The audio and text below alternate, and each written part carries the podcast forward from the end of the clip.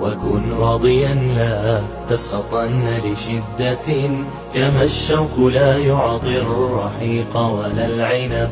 إذا المرء لم يرضى بما ربه وهب فلن يغنه مال وإن زاد ما كسب.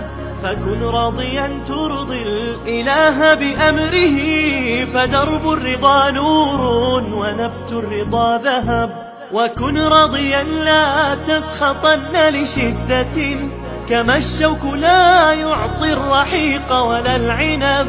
وكن راضيا لا تسخطن لشدة كما الشوك لا يعطي الرحيق ولا العنب.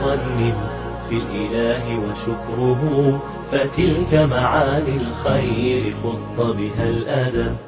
إليك غصونا دانيات قطوفها ومنبع خيرات يفيض وقد نضب. سلام وإحسان وصبر وجيرة وأفعال خير تستزاد بها الرتب. وإحسان ظن في الإله وشكره فتلك معاني الخير خط بها الأدب. وإحسان ظن في الإله وشكره فتلك معاني الخير خط بها الأدب. فتلك معاني الخير خط بها الأدب.